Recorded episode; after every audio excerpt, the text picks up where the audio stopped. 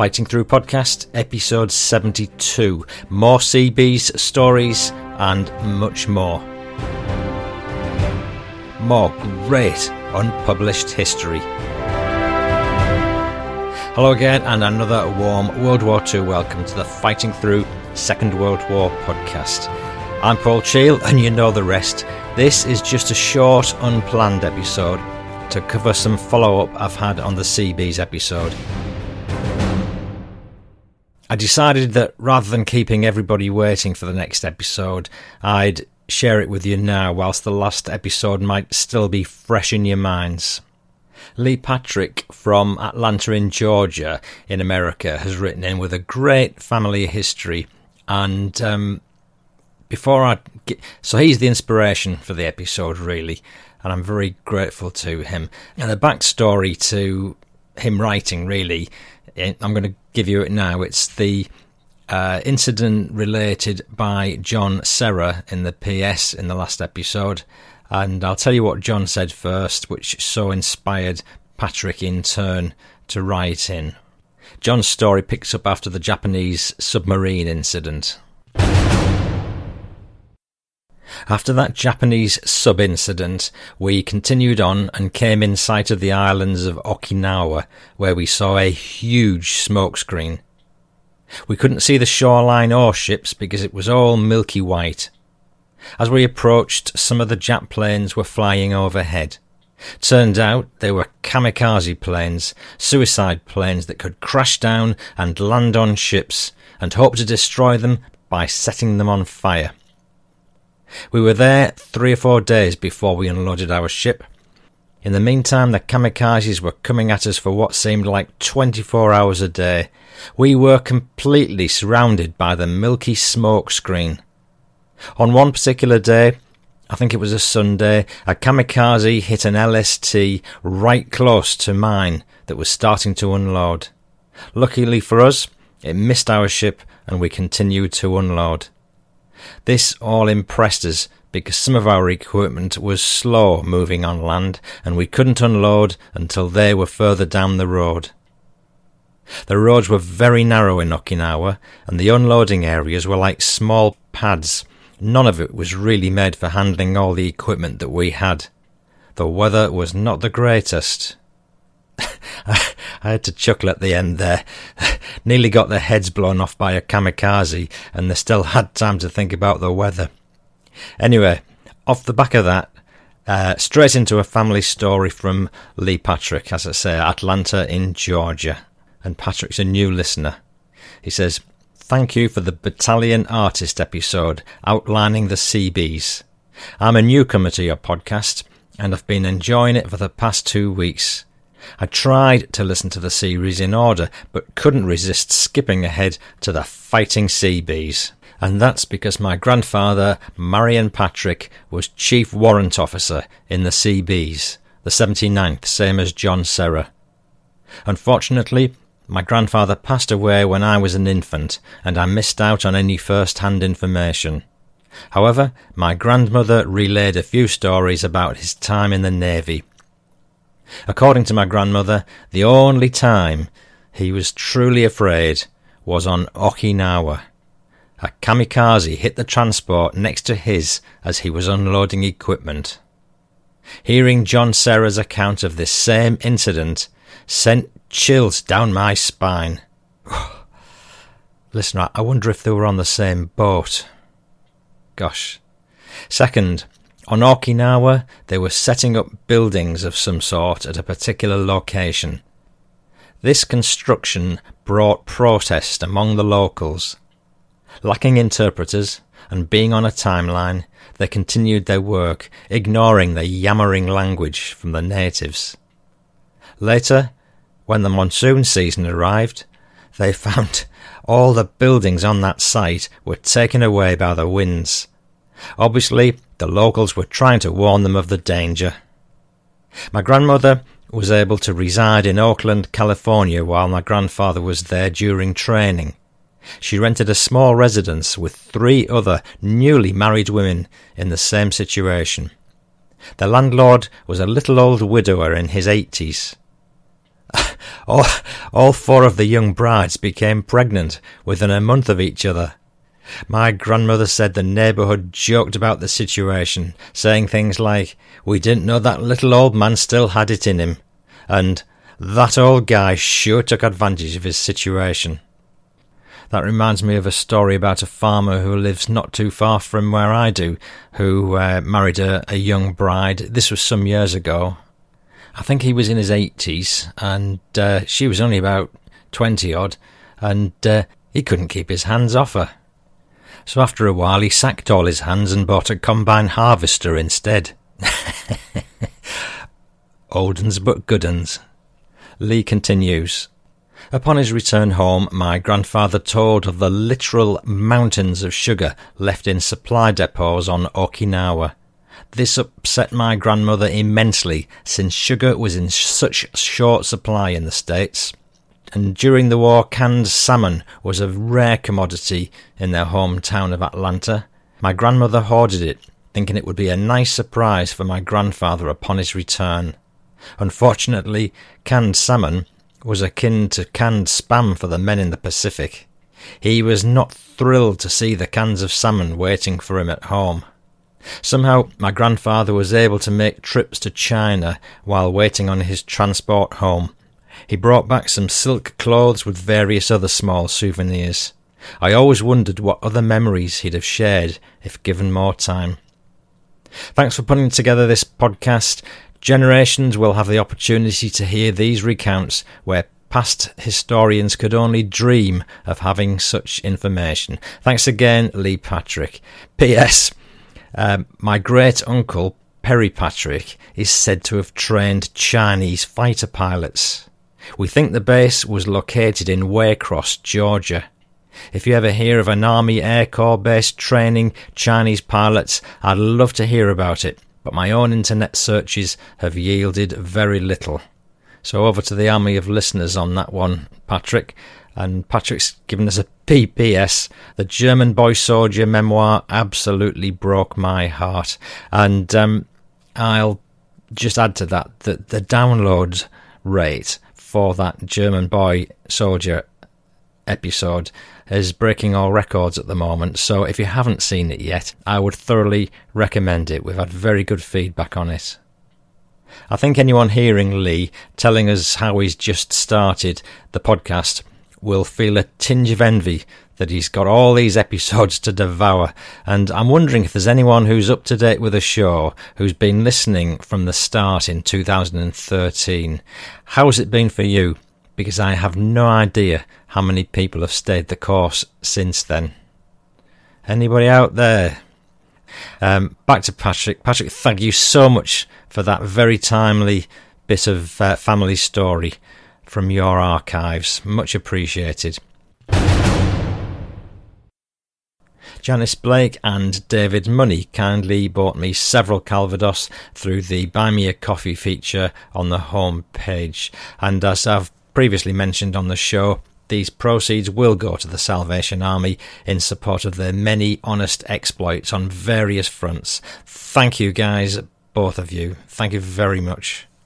And hot off the press, staunch supporter and contributor to the show, Sydney Topf, has also just made a very generous Calvadosic contribution to the show. Many thanks, Sydney. And I will remind everyone that I'm currently donating these contributions to the Salvation Army. And somebody asked, uh, what, what is Calvados? I have covered it on the show before, but Calvados is an apple brandy from the Normandy region of France. Uh, something very nice to savour on a cold winter's evening, or a warm summer's evening, or a pleasant spring morning, or any time really. Um, Paul Gibson from the UK said, Paul, I've just discovered your podcast as I'm interested in World War II Bomber Command and the courageous stories that have taken place. Um, great work. I listen to them on my morning work and become engrossed. Thank you. And uh, from one Paul to another to let you know I'm actually looking at another self published Bomber Command memoir at the moment, and it sounds brilliant. So I do hope to be covering that in a future episode. The the trouble is, at the moment, I've got several interviews and stories on my hands, and it's about prioritising stuff really. Uh, before long, I'm going to give a, a full status report on all these projects so you know what's coming up. Chip Henneman has written in Hi, Paul. I was five years old when I became interested in World War II, and that's many years ago now. That interest has turned into a passion where I started the World War II era Preservation Society. I've got close to 5,000 items in my collection from all over the world.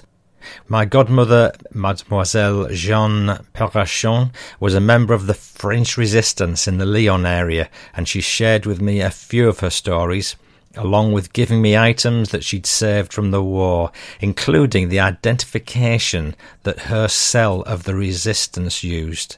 A specially produced 20 franc note and uh, there's a pic in the show notes. If you look carefully, you'll see a picture of Hitler in the bottom left hand corner, and he's got the fisherman's rope around his neck.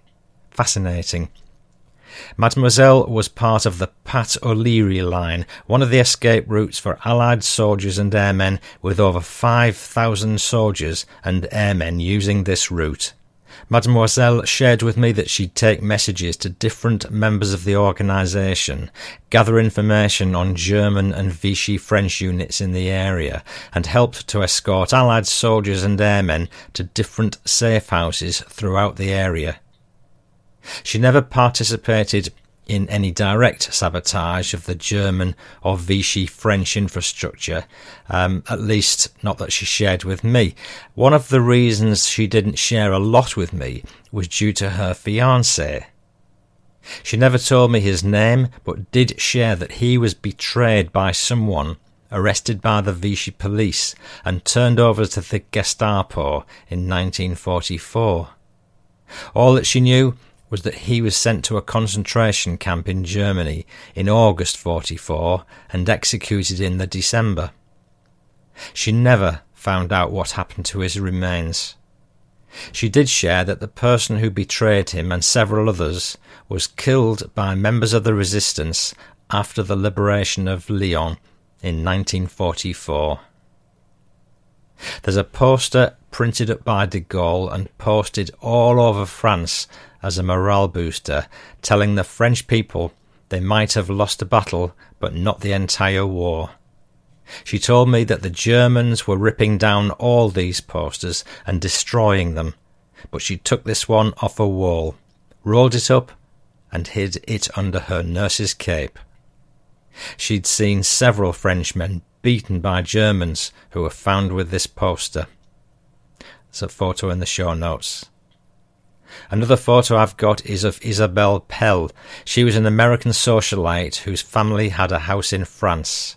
Ms. Pell worked with the resistance, and Mademoiselle told me that she'd met, she'd met Miss Pell a few times during the war and that they remained in contact after the war. So that's a photograph of Chip's godmother, uh, signed by um, Miss Pell. Chip, thanks for that. Lovely, great stuff. And if you have any more stories, I'm all dog's ears. talking about dogs, Philip Quinn wonders if I've covered the story of Horrie the War Dog. Well, no, I haven't, Philip. He was a wonderful pup attached to my Uncle Norm's crew in the Middle East. He was a small Egyptian terrier taken as mascot by the Australian 2nd of the 1st Machine Gun Battalion and because of his good hearing, he'd warn the diggers of the approaching Stukas and other planes. My Uncle Norm was a machine gunner, and he had a pick of Horrie in his caravan at our house in the 1970s. I wish I could go back and talk to Uncle Norm about Horrie and all the other things he did in World War II, Greece, Middle East, and Balikpapan. There's a few pics of the little dog in the show notes and one or two others worth looking at. Captain Papalia. Captain Papalia. Captain James Papalia. Are you there? This one's for you, James. You're a top listener, and your dad Frank sent me this story absolutely ages ago. Um, I've mentioned Frank and son James before, but sometimes the odd bits of feedback slip through the cracks, and I found this in a recent sweep up. Uh, in fact, I'd been saving it for a special Japanese episode, but uh, what the heck, I thought I'd, I'd cover it now because it's such a good story. Um, Frank said, My grandfather, James's great grandfather, was in Korea. My other at Iwo Jima in Japan, and my father in law is a decorated Silver Star from the Vietnam conflict, so we have plenty of first hand history in our family's four walls. In 2002, I had the good fortune of meeting United States World War II veterans Lester Tenney and Frank Bigelow. I was working for a United States congressman, and those two gentlemen were suing the Japanese government for their treatment during the Bataan Death March. Congressman Hunter shut down the office and called the whole staff in and let us listen. It was fascinating. Lester Tenney had written a book and was telling stories about the beatings, beheadings, and murders, as well as the starvation diet they were fed. Talked about how they had to hold guys up who were failing in health, and if they didn't, they'd be killed instantly. This was especially difficult when they themselves were suffering. He cried, pride and bad memories, but was proud to have withstood it. And equally sad for the men he saw die, he felt blame and shame for surviving. His story was amazing. But it was Frank Bigelow, who's probably in his late 70s, early 80s at the time, and still a very large man, who told such an interesting story. He mentioned that he had to have his leg amputated by his own people. A boulder fell on him and it became infected, and they tried to splint it and fix it, but the bank, but the gangrene began to set in. So six of his buddies held him down and amputated it with whatever tools they could find. He said how he couldn't remember how he dealt with the pain, but that he'd had no choice and he just did it. He told another story I'll never forget about being on the coal crushing machine after this event and he was shivering from infection. A Japanese soldier came up from behind him and tried to strangle him out. Mr. Bigelow showed us what happened next. He said with every ounce of energy, he threw him off him and punched him in the nose. When he showed us the punch, you noticed how big his hand was, and the sound of one hand punching his other hand was still loud and packed a punch. He said he might have been dead, and laid him on the coal crusher. When he was crushed, he called for help to save him. When the Japanese officials arrived, he said he'd struggled to stop the machine, but called for help when the officer fell. They gave him a can of pineapple and let him have a week's rest. He said, If I win my lawsuit, I'll give them back the money for the pineapple. when I went home to visit my parents, I began asking the grandparents about their war stories, and as I mentioned, this started off my interest in the war. That in turn has led to my son James being very interested himself. So there you go, James. You owe your interest in history, World War II history in particular, to a pineapple. Frank, thank you so much for sending that one in. Right, we've come to the last um, contribution. That's one from me. It's uh, all about bully beef, beans and chips. um, what is bully beef? Dwayne Harris asked once in a random comment in the middle of a conversation I was having with him. Well, that's bully beef, star of so many memoirs and memories from my dad to the late Wilf Shaw, and especially Wilf. Bully beef with chips, with hash, with baked beans, best if served from the back of a burnt out ambulance found in the Dunkirk, France area about 1940. But if not, just go to your local store and ask for a can of Heinz baked beans. Not green beans, butter beans, broad beans, split beans, or even spilt beans, but orange coloured beans, served piping hot in tomato sauce. I think Heinz use haricot beans, sometimes also known as navy beans. If you've never heard of them, try a delicatessen. In England, they're all over the place. So I, re- I really don't know why I'm telling you all this, but um, there's plenty of people around the world who probably don't. In in the UK, we can get Heinz, HP, Branston, and a plethora of supermarket owned brands. But I'm guessing in some parts of the world, like Idaho, Australia, and Hong Kong, they're just museum curiosities on the what we used to eat shelf. If you're going to eat it cold, best kept in the fridge and then thinly slice it before serving. But take care when opening the tin because they have a little key that you wind round the tin to wind open the seal, and the tins are deadly sharp. So watch your fingers and don't do what the very nearly late listener Dwayne Harris did when he nearly chopped off something with his chainsaw, but I never did hear the story. I often refer to information from Wikipedia. Um, so on this occasion, no different. I'm going to just cover a little bit about what they say about bully beef. Um, it's also known as corned beef in the UK and Ireland, and it refers to a variety of meat made from finely minced corned beef in a small amount of gelatin.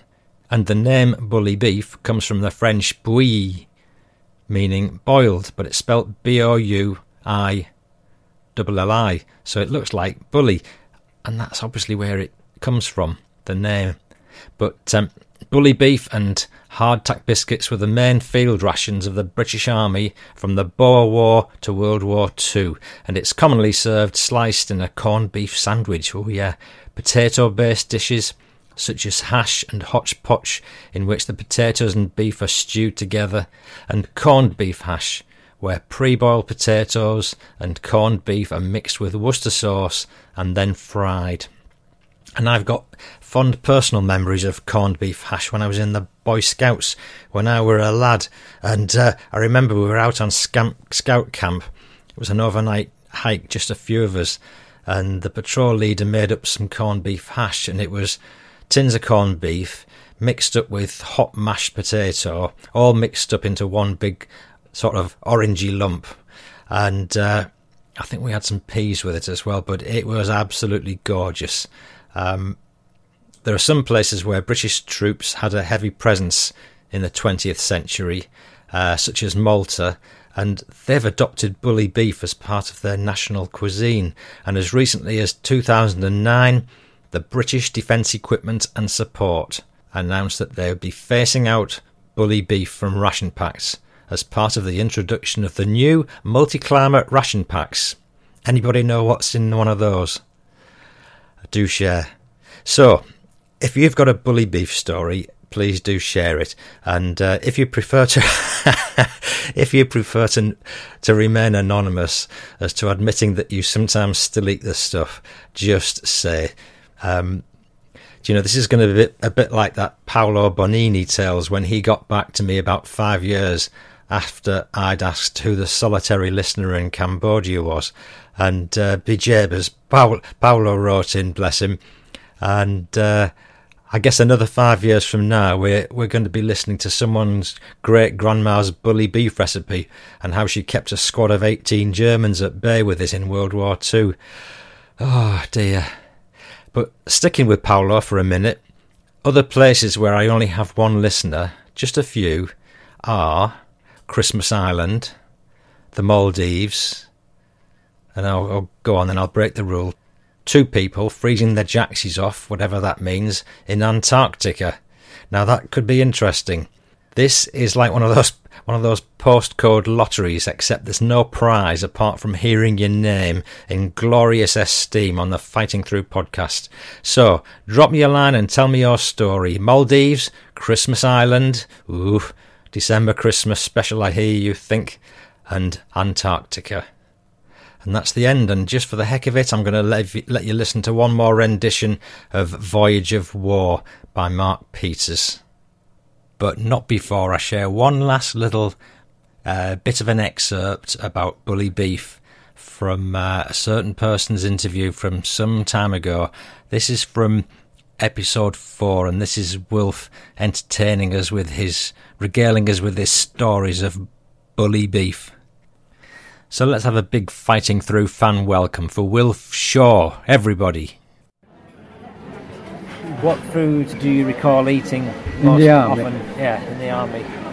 I remember we got these tins of uh, bacon that were sent, you know, sealed in, in tins, really great lumps of bacon. And then bully beef, of course. And what do you tend to eat? Do you have? We, we got so much bloody bully beef, bully beef for everything. You know. Do you eat it? Used to try and disguise it with bully beef buttered, bully beef stew.